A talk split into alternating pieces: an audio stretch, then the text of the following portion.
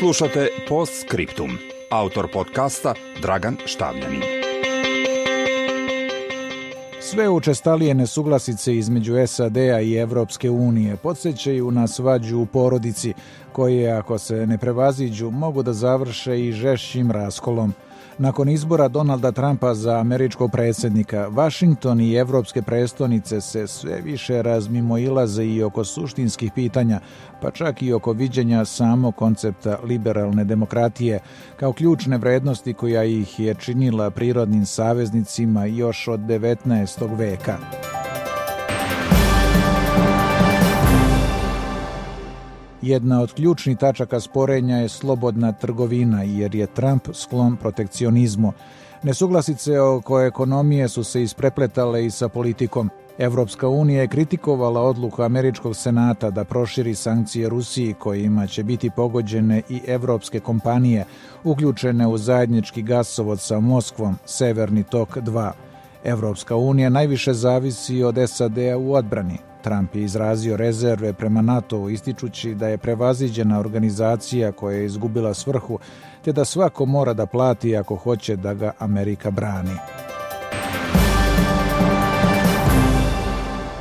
Nakon posljednjeg samita NATO-a, nemačka kancelarka Angela Merkel je izjavila da je postalo jasno da je Evropa ostala sama i naša sudbina je sada isključivo u našim rukama – Prema istraživanju iz juna ove godine, samo 21% Nemaca smatra da su Amerikanci pouzdani partneri, što je isti procenat poverenja kao i prema Rusima. Istovremeno, čak 94% njih tretira Francusku kao pouzdanog partnera.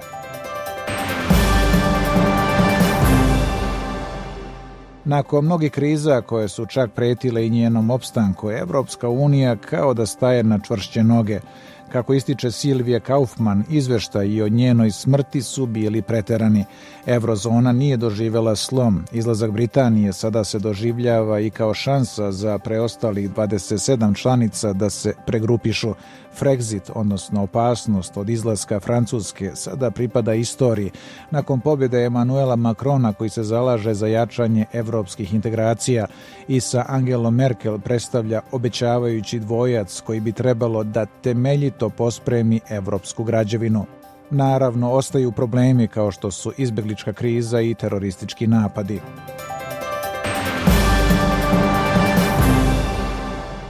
Iako je Trump želeo da Evropa preuzme veću odgovornost, verovatno nije očekivao ovako odlučnu reakciju političkih lidera na starom kontinentu. Ako bi univerzum imao smisao za humor, onda bi neplanirano Trumpovo nasljeđe bilo da ubedi ostatak sveta da krene američkim stopama, ocenjuje Edward Ljus. To bi na kraju značilo da se i SAD moraju prilagoditi novoj evropskoj realnosti.